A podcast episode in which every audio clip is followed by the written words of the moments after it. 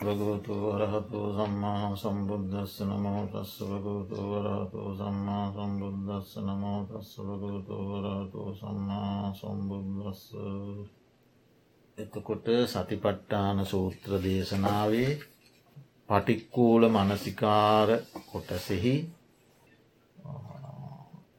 දෙවන තුන්වන පාඩ පළමුුවෙන් අපි කළේ එහි ආනිසංස පිළිබඳ අංගුත්තර නිකායේ කායගතා සති වග්ගයට අනුව කරුණු සාකච්ඡා කිරීම.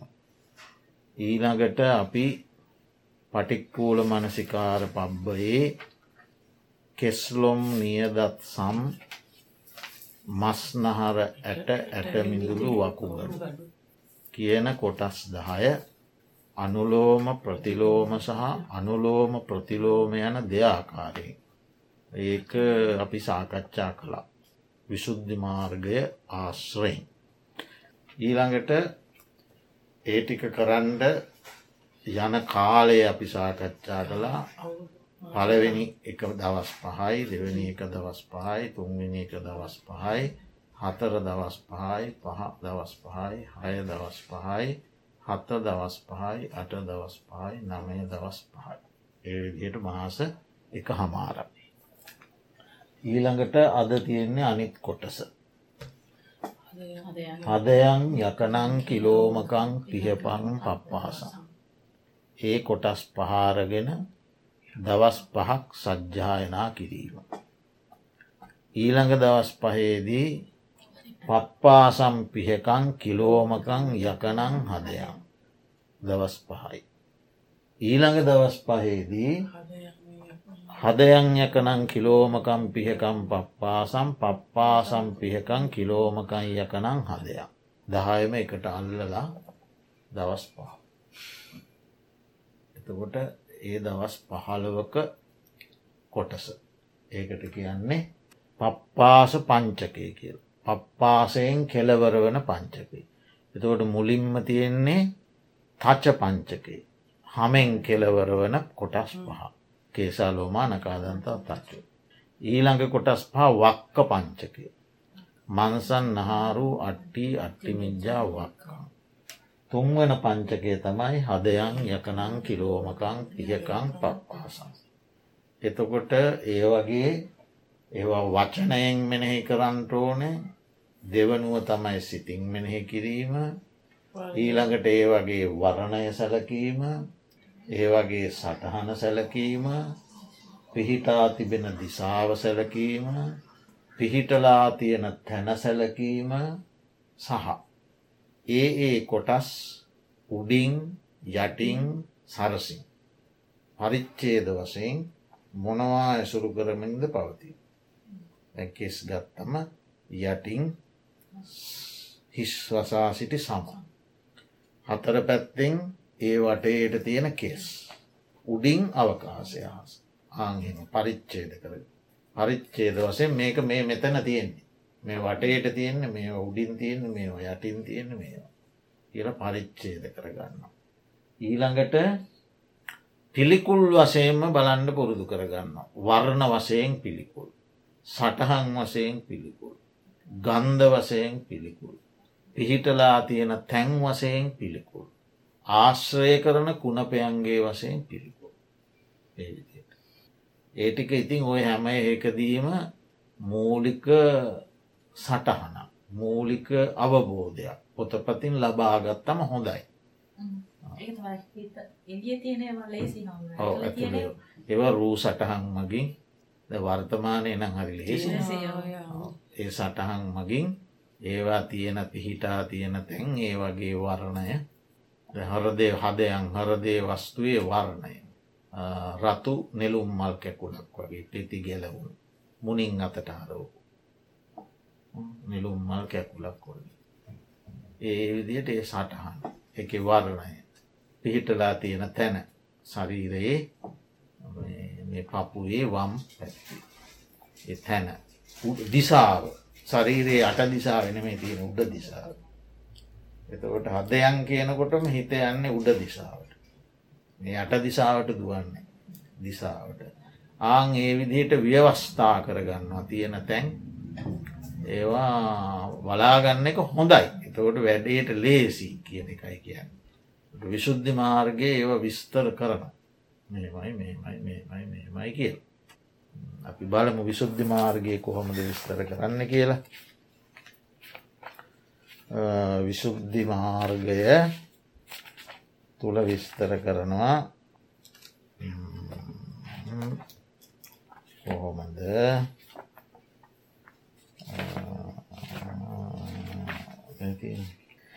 කෙස් වනාහි ප්‍රකෘතිවරණ වසයෙන් අලුත් පෙනල ඇටමෙන් කළු පැහැය. සන්තාන වසයෙන් දික් වට තරාදි දඩු බඳුවේ. දිසා වසයෙන් උඩ දිසාවේ පිහිටියේය. දෙපස කන්සිලින්ද ඉදිරි පස නලල් කෙලවරින්ද පසු පස ගලවලුයෙන්ද උකුණුවල ගලවලුයෙන්ද පරිච්චින්න වූ හිස්කබල වසා සිටිතා සම මත පිහිටියේ. සම මත පිහිටිය. එකතම අවකාශි ඒ වනාහි පරිච්චේද වසේ හිස වසා සිටි සමෙහි වියගහක් පමණ ඇතුළුව පිහිට. වීගහ වීගහ කරතියෙන් වී. ඇතුළත වී. පොඩි මේ මේමකක් දෙකට කියන්න? වී ඇට එක තියෙන්නේ මේ මුල. චූට වී ඇට එක. චූටි මුල් කෑල්ලත් මුල් කෑල්ලක් කියන්න නට්ට වගේ පොඩ්ඩත් ඒ වගේ ප්‍රමාණයක් ඇතුළට පිහිටා. ඒ කේෂයන්ගේම මුල් තලයෙන්ද මතු අහසින්ද. සරස ඒ ඒ කෙස් ගසින්ද. පරිච්චින්නේ කෙස් ගස් දෙකෙන් එක් කොටසක් නොවේ. ඒ ගැන කෙස් ගස් දෙකක් කෙස් ගස් දෙකක් මිස එක කෙස් ගහක් නෙවෙයි. කෙස් ගස් දෙකක් කියන කෙස් ගස් දෙකක් එකක් නෙවෙයි. කෙස් ලොම් නෙවෙයි ලොම් කෙස් නොවේ. කෙස් කෙස්මයි ඒක ලොම් නෙවේ කෙස්මයි ඒ විදිහට බලනවා. අමිස්්‍ර බව. මිශ්‍රණෑ ඒක එක එකක් එක එකක් වෙන වෙනම මේ මේ හිසේ පවතින වෙන වෙනම වෙන වෙනම වෙන වෙනම පවති. එහෙම. දැ අද කොටසට අපි ගියොත් හර්දයන හදවත. ඒ කාලෙ කොහොමද දැනගත්ත හාමි අදනං ඉතින් පොත් තියනවා ඉන්ටනෙට් තියනවා. ඇයිති මිනි? මිනිහෙන්ද අද ඔන්න හදය නම් හර්දය මාන්සයයි අද එකේ මු එකක් අපි සාකච්ඡා කරමු ඒ වරණ වසයෙන් රත් පියුම් පෙත්තක පිට පැත්ත බඳු වරණයි. රත් පියුම් පෙත්තක පිට පැත්ත බඳු වරණයි. සන්ටාන වසයෙන් පිට පිට පෙති හැර යටි මුවකොට තැබූ පියුම් කැකුලක් බඳුයි. පෙති ගලවලා පිට පෙති ගලවලා යටි අතට හරවලා තිබුණ නෙලුම් කැකුලක් බඳුයි. සටහන. පිටත සිලුටුවේ මුරුදු නෑ සිලුටුවේ. ඇතුළත වැටකොළු ගෙඩියක ඇතුළ බඳුවේ. වැටකොළු ගෙඩියක ඇතුළ තියෙන ඒ වගේලු හරදය ඇතුළ. ප්‍රාඥ්ඥයන්ට මදක් විකසිතවද මන්ද ප්‍රාඥ්ඥයන්ට මුකුලිතවද ඇත්තේ. මහා ප්‍රාඥ්ඥයන්ගේ හරදය වස්තුව මේ නිකං නෑ ලොකුයි නෙමෙයි ඒක නිකං ප්‍රභාස්වරය ගැන විකසිත වෙලා තියෙන පිපිලා වගේ තියෙනවා. මන්ද ප්‍රාඥ්ඥයන්ගේ හැකිලිලා වගේ තිය. මං ඒකට හොඳ උදාහරණයක් කියන්න. මාතර ඥානාරාම පණ්ඩිතාම. වයස අසූගානයේදී කොළඹ මහරෝහලේ හදිසි අසනීපයකට ප්‍රතිකාරගන්ට නේවාසික වුණ. මහරෝහලේ නෙමේ ගෙවන වාට්ටුව. උන්වහන්සේට ප්‍රතිකාර කරේ පරාක්‍රම රමට මතක ඇටයට පරාක්‍රම රණසිංහ කියන වෛද්‍යවර විශේෂඥ වෛද්‍ය හරද රෝග. හරද රෝග විශේෂ. ඒ දොස්තර මහත්තය පුදුමුණනා කියනවන්. මේ ස්වාමීන් වහන්සේට අවුරුදු අසූගානක් වෙලත් මේ ස්වාමීන් වහන්සේගේ හරදේවස්තු අවුරුදු දාසයක ළමයකි වගේ පුදුමුණයි කියනවා. පිට පස්සේ දායකත් වුණයි බොස්තර මහත්තය. මීතිරිකර නිස්සරණවානේ දායක වුණ. ඒ හරදේ වස්තුව මුක් ඒ කියන්නේ මේ විකසිතයි. ඒ භාවනාවෙන් දිනන්තරයෙන්ම භාවනාවය දෙන කෙනෙක්. ජීවිත කාලයම ජීවිත කාලයම දවසේ වැඩි කොටසක්. දවසේ අවදිව සිටින ජීවිතයේ වැඩිම කාලයක් උන්වහන්සේ භාවනාවෙන් ඒක ස්තිරයි. එතෝට දොස්තර මහත්තය කිව්වලු අවුරුදු දාසයක ළමයෙක්ගේ හරදේ වස්තුවේ ක්‍රියාකාරීත්වය ස්වාමීන් වහන්සට අවුරුදු අසූගානක් ගිල්ලත් තියෙනක. ඉතින් මේ විසුද්ධි මාර්ගය කියන හරි නෙමන. ප්‍රාඥ්ඥාන්ට මදක් විකසිතවද. මන්ද ප්‍රාඥ්ඥන්ට මුකුලිදවද ඇත්තේ. ඒක තමයි කියන්න. ඒ ඇතුළෙහි අඩපතක් පමණ ලෙහෙයෙන් යුත් දොඹගෙඩියක් පමණ වූ වලකි. ඇතුළත අඩපතක් පමණ ලේෙන් යුත් දොඹගෙඩියක් පමණ වලකි.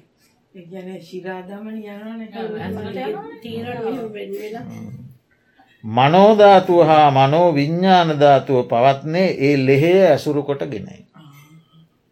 ඒ හමුදුර අභිධර්මය කියන්නේ? අදවත ඒ ලෙහේ රාගචරිතයාට රක්තවරණය දේශ චරිතයාට කාලවරණය කලුවීම කියලනව මේ කියන්නේ. දේශ චරිතයාගේ ලේ රාගචරිතයාගේ තරම් රතුනෑ කාලවරණ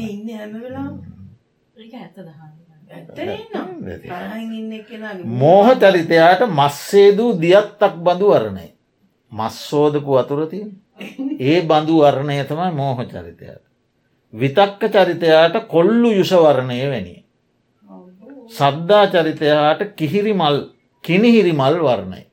කිනිහිරි මල් ප්‍රඥා චරිතයාට වනාහි ප්‍රසන්නය. ඒ කියන්න තද කලු කියන එකන්නෙමේ වරණය එවනට වෙනස්කම් තියෙනවා.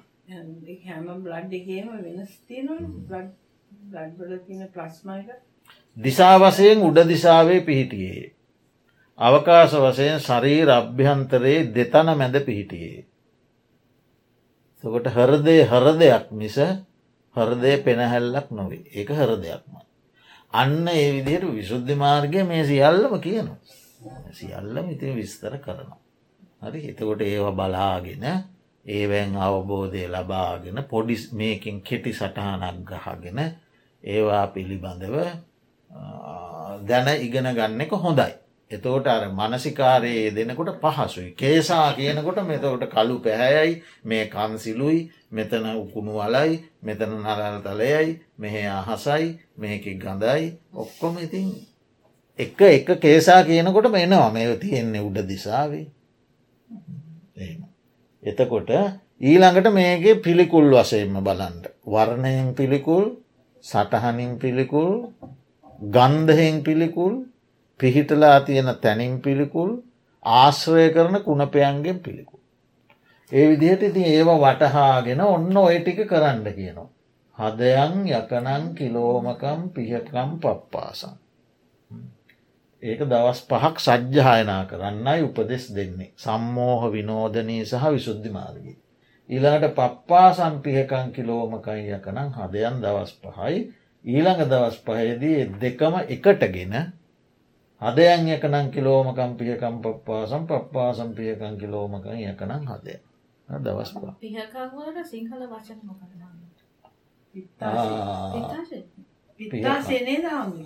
හදයන් යකනං කිලෝමකන් දලබුව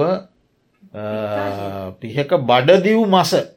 බඩදිව් මස කියන පිත්තාසය වෙන්න ඕන. තාශතින් බඩවැල් අතර තින් ඕකෙන් ඔක්කොම එන්නේ ඇන්සයිම් වඩි ඔක්කොම ඩයිජෙස්ටව් හදවතට වම්පස උදර පටලයේ මතුභාගේ ඇසුරු කර සිටිය ඔන්න තියෙන තැන. හදවතට වම්පස උදර පටලයේ මතුභාගේ ඇසුරුකොට පිහිටිය. ඉතින් එහෙම බලනවා. යකනං කියන අක්මාව. කිලෝමක කියන්නේ දලබුව. දලබුව. ඒ කියන්නේ ඒක දලබු දෙකක් තියෙනවා. අප්‍රතිච්චන්න දලබුව සහ ප්‍රතිඥන්න දලබුව කියලා. එතකොට ප්‍රතිඥන්න දලබුව හර්දය හා වකුගඩුව වසාගෙන හරදේවස්තුව සහ වකුගඩුව වසාගෙන පිහිටියයි කියනවා. අප්‍රතිච්චන්න දලබුව මුළු ශරීරයේ සමට යටින් මසවල වසා වැළඳගෙන. ඩයිෆ්‍රගම් එකයි.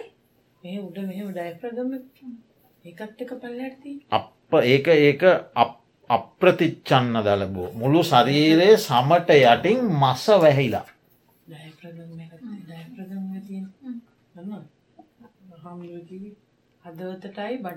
අනිත් එක හරදේ වස්තුවයි වකුගඩුවයි වසාගෙන තියෙන දලබුවක්. ඉතිං එහෙම ඒ ඉගෙනගෙන බලන්න. ඊළඟට දැන් අපි කිව්වන මේක මේකට කියනවා වචනය වචනයෙන් සිතින් වර්ණ සටහන් දිසා අවකාශ පරිච්චය.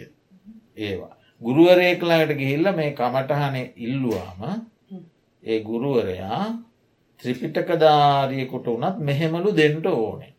ඉස්සල්ලා ඔබ වචනයෙන් සජ්්‍යායනා කරන්න මේක. හරි ඊට පස්සෙ කියල දෙනවා සප්තවිද සප්තවිද උද්ගහ කෞශ්ශල්ලේ ශප්තවිද උද්ග්‍රහ කෞශ්ශල්ලය ගැන මේ හත වචන සිතෙන් වර්ණ සටහන් දිසා අවකාශ පරිච්චේ ඒටික කියල දෙනවා. මේ කෙස් මෙන්න මෙහෙම දෙයක්. මේක මේක වර්ණය මේමයි මේක සටහන මේමයි නුබේව හොඳට ඉගෙන ගණ්ඩෝන. ඒක පිහිටලා තියෙන දිසාව මෙතනයි උඩ දිසාවේ. මේක පිහිටි තැන මෙහෙමයි. මේක උඩින් යටින් සරසිම් පරිච්චේද වෙලා තියෙන මේවා කියලා ඒටික කියනවා. ඊට පස්සේ දසවිද මනසිකාර කෞස්සල්ලයක් කියල දෙන්නඩෝල්ුවේ ගුරුවරය. ඒ මොනවද මේවා මෙනෙහි කරනකොට අනුපූර්ව වසයෙන් මෙනෙහි කරන්න. කියන එකින් එකට එකින් එකට අනුපූර්ව වසයෙන් මෙනෙහි කරන්න. ඒකින් ඒකට උදාහරණයක් කියනවා පඩි පෙළවල් තිස් දෙකක් ඇති ඉනිමගත් තියෙනවා.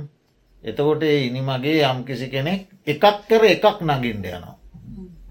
මෙහෙම පඩිපෙළෙන් පඩිපෙල් නගින් නැතු හෝම තියන්න යනවා. එකක් කර එක. එතකොට එය මහා වෙහෙස කර භාවයට පත්. ඒ නිසා එහෙම එහෙම යන්ඩ එපා මේක අනු පිළිවෙලින් මෙනෙහි කරන්න. අන්න කියල දෙනවන්ට ගුරුවරය කියල දෙන්න ඕනු එක. අනුපූර්ව වසයෙන් මෙනෙහි කරන්න. ඊළඟට නාති සීග්‍ර ඉතාමත් වේගෙන් මෙනෙහි කරන්න යන්න එපා. ඒකට උදාහරණයක් කියනවා යම්කිසි දුර ගමනක් යන කෙනෙක්. ඒ යන කෙනා යායුතු තැන් නොයායුතු තැන් විමසන්නේ නැතිව. නොවිචාරා.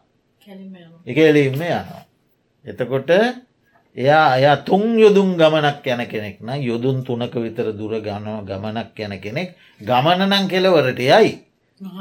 ඕ කෙලවරට ගමන ගියාට එයා ගියමොකටද කියලා එයා ඇහුවෙනෑ විමසුවේ නෑ හරි?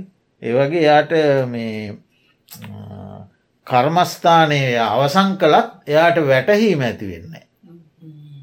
කර්මස්ථානය නම් අවසං කරයි වැටහෙන්නේ නෑ ආගියා වගේ. ඒ නිසා සීග්‍ර වසයෙන් යන්ට එපා. ඊළඟට කියනවා නාතිස්සනික හෙමින්ම යන්ඩත් එපා. හෙමින්ම ගියාම ඒක හරියට උදාහරණයක් කියනවා එක් දවසකින් එක් දවසින් එක් දවසකින් මනුෂ්‍යයකුට යන්ඩ තියෙනවා යොදුන් තුනක ගමන එයා එක එක දවසින් ඉවර කරන්න ඕන. හැබැයි ඉතින් එයා යන ගමන් මග තියෙන වැල් බලනවා තොටු පොළොවල් බලනවා ගස් බලනවා සත්තු බලනවා. එහෙම එහෙම බලබල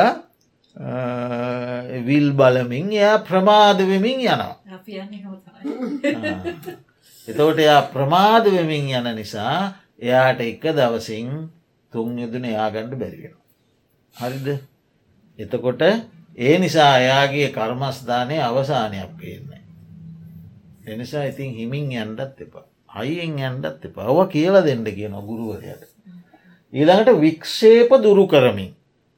වික්ෂේප දුරු කරමින් කියල කියන්නේ එකම එක මාර්ගයක් තියෙන ප්‍රපාතයක් ප්‍රපාතයක් සහිත මේ හැම පැත්තෙම ප්‍රපාත.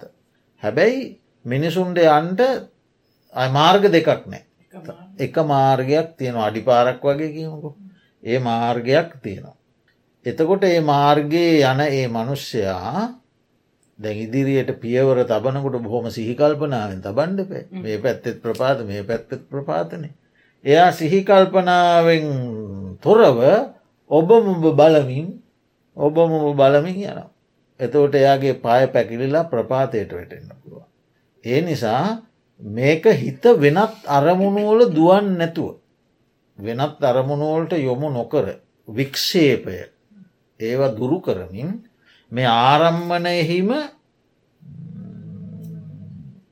සිත තබාගෙන ඒක වඩන් ඩෝන් නැත්තම් ප්‍රපාතයට වැටෙනවාගේ වැඩක් වෙනවා.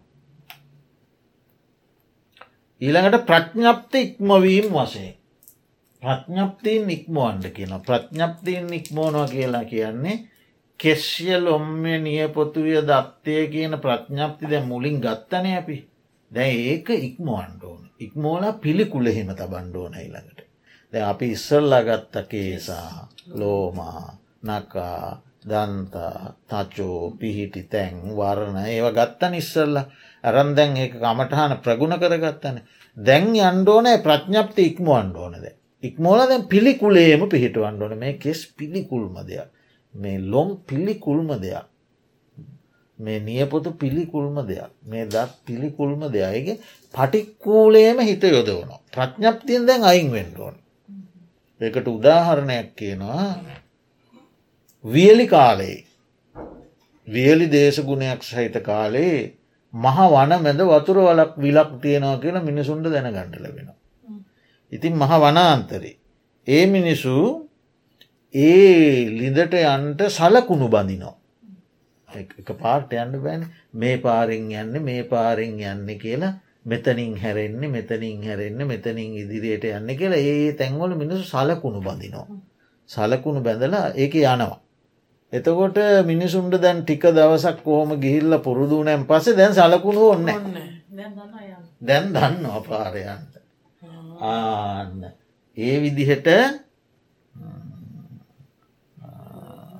ප්‍රඥප්ති ඉක්මවන්ට කියන ප්‍රඥප්තිය ඉක්මෝල දැම් බලන්ට ඕන පිළිකුල.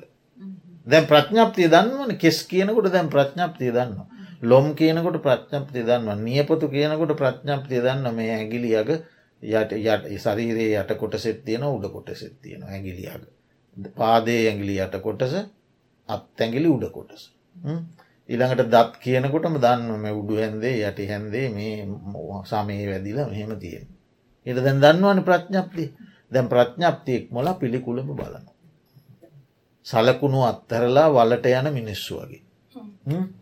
ඊළඟට අනුපූර්ව මුංචන වසේ අනුපූර්ව මුංචන. ඒ කියන්න මොකක්ද නොවැටහෙන තැන් තියෙනවා නම්. දැන් ඔන්න නොවැටහෙන තැන් අතහැරලදාන අතහැරලදාන දැන් තිස් දෙකේ දැන් කරගෙන යනකොට තමන්ට වැටහෙන්නේ නැති තැන් තියෙනවා. ඒ වැටහෙන්න නැති තැන් අතහැරල වැටහෙන තැන් ගන්න හරිද? ඒකට උදාහරණයක් කියනවා. පින්ඩ පාතයෙන් යැපෙන භික්ෂුවක් කියන ඒ භික්‍ෂූන් වහන්සේ ඉතින් දැන් ගෙපිළිවෙලින් පින්ඩ පාති වඩිනකොට ඔන්න අද හම්බේනවා ගෙදරකින් පින්ඩ පාත දෙකක්ම එතවට ඒහාමුදුරුව ඊළඟගේ අත්හරිනවන දැ මෙ දෙකක් හම්බේරන්න. ඊළඟ දශ පින්ඩ පාත යනකොට පින්ඩ පාත තුනක් කම්බේන එක ගෙදරකින් එතවට ගෙවල් දෙකක් අත්හැරලදාන. තුනකට යන්න ඔන්න දෙකක්ම ඉතිරි දෙක අත්හැරලදාන. ඊළඟ දවස පින්ඩ පාත යනකොට තමන්ට ප්‍රමාණවත්ව වලදන්ට ලැබෙනවා. එක ගෙදරකින්ම ලැබෙනවා දැන් වලදන්ට ප්‍රමාණව. ඊට පස අය යන්න නැතුව ඒ ලැබුණ ටික වලදලා ඉන්න. එහෙම අතහරිනවාගේ නොවැටහෙන තැන් අතහරිනවා. වැටහෙන තැන ගන්නවා. එහෙම එහෙම ගිහිල්ලා දෙකක් වැටහුණොත් ඒ දෙකෙමුත් වඩා වැටහෙන එක ගන්නවා.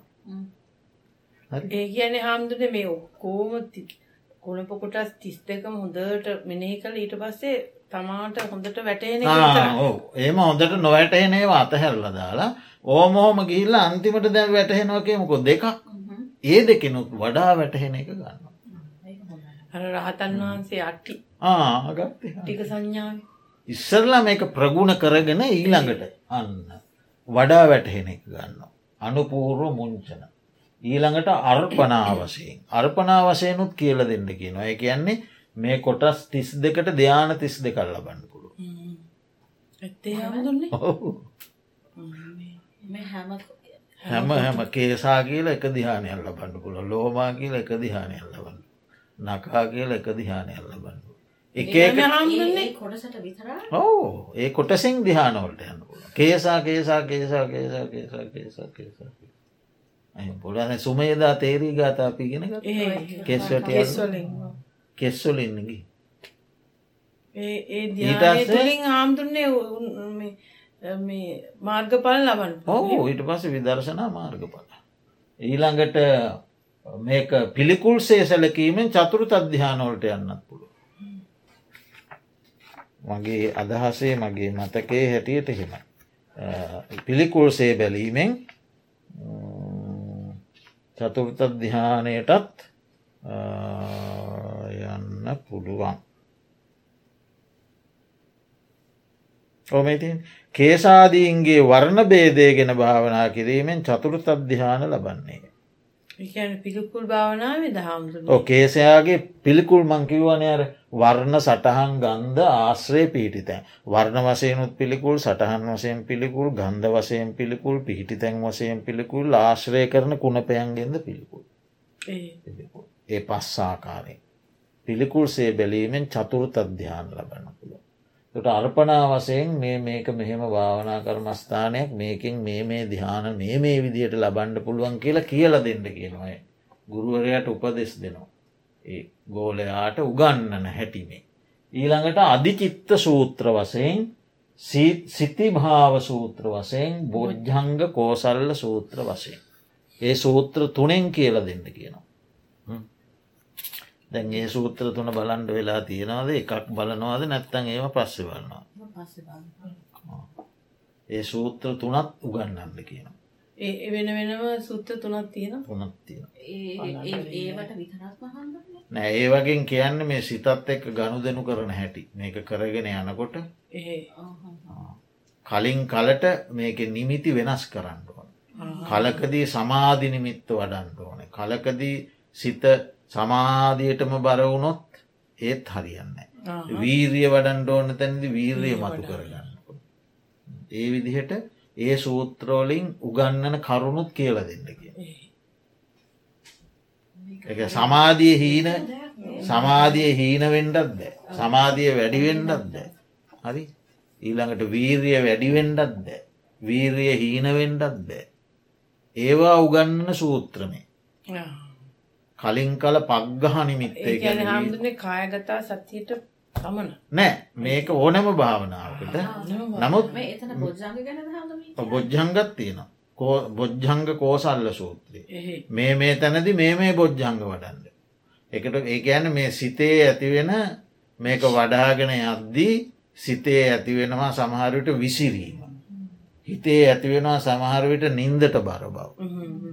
ඒවගේ අවස්ථා ඇතිවෙනවා. ඒ වගේ අවස්ථාවේදී ක්‍රියා කළ යුතු ආකාරය තමයි මේ සූත්‍රලය උගන්න.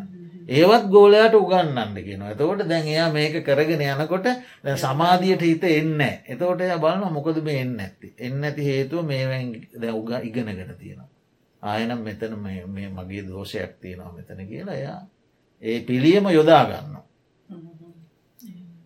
සමහරට මේක කරගෙන යනකොට හිත වික්ෂිප්තයි සිත විසිරිලා නිතරම හිත විසිරිලා. එතෝට එයා බලනවා මේ දැන් ගුරුවරය මේ සූත්‍ර තුන උගන්නලා තියෙන්නේ. මොකද මේ විසිරෙන්ට හේතුව. බල්ල මගේ වීරිය වැඩි. මන්දැම් මේ වීරියයි සමාධියයි සම කරන්න ඕන. මේ සූත්‍රලින් ඒවතම උගන්නන්න. වීරිය අඩු වීරිය අඩු කරලා සමාධියත් එක්ක සම මට්ටමකට ඕන. එතකොට මේ උද්දච්චය මේ විසිරෙන එක නවත්ත ගන්න පුළුවන්. කියලා ආන්න මේ සූත්‍රත් කියල දෙන්න කියනවා. එතවට මෙයා දක්ෂ කර්මස්ථානාචාරවරය ළඟට ගියාම ඕවටි කොක්කොම කියල දුන්නම ඉතින් එයා ගිහිල්ල ලස්සන්ට වැඩේ කර කරනවා. බුදුරජාණන් වහන්සේ උගන්නපු සූත්‍ර හැම භාවනාවට. බොජ්ජංග කුසලතාවේ. ඒ ඒ තැනට බොජ්ජංග හසුරුවන්නේ කොහොමද. සතිය දම්ම විචේ වීරිය පීති පස්සද්ධි සමාධි උපෙක්ක. සතිය නිතර තියෙන්ට ඕන. අපි ඒක පොඩ්ඩක් කරා කරන්න සතිය නිතර තියෙන්ට ඕන. ඔව්. දම්ම විචේ විරිය ප්‍රීති තුන සිත විසිරිණු වෙලාවට වඩන්ඩ හොඳ නෑ. එතවට තවත් විසිරිලා යනවා. හරි හිත විසිරුණු වෙලාවට ගණ්ඩෝන පස්සද්ධි සමාධි උපෙක්කා. එතකොට සිත හැකිලුණු අවස්ථාවට. හිත හැකිලුණු අවස්ථාවට පස්සද්ධි සමාධී උපෙක්කා වඩන්ඩකිව තවත් හැකිලෙනවා. එතෙන්දි ගණ්ඩෝන දම්ම විචේ විරිය ප්‍රීති. ආනේව තමයි බොජ්ජංග කෝසල්ල සූත්‍රය ගන්න එතට ඒවත් මෙයාට කියල දීලා තියෙන්ට ඕන. තොට මෙයා මේක කරගෙන යනකොට විසිරින වෙලාවට මොකක්ද කරන්න ඕන? හැකිලෙන්න වෙලාවට මොකක්ද කරන්න ඕන? කියලා මෙයා දන්නවා එතකොට. දොස් දොස්තර මහත්තයා කියල දෙනවාගේ අදැන් දන්න මොකක්ද ම මෙතැන්දි කරන්න ඕන. එතකොට එයා මේ හිතත් එක්ක ගණු දෙනු කරන්නට දැන් ඉගෙනගෙන තියෙනෙද. මේ මේ තැනදී මං මේ දේ කරන්නු වී හිත වේගවත් කරන්න ඕන තැනද වේගවත් කරනවා. හිත වේගේ අඩු කරන්න ඕන තැනද අඩු කරනවා. සමාධී අවශ්‍යය තැනද සමාධිමත් කරනවා. එහෙම එහෙම එහෙම මෙයා යනවා.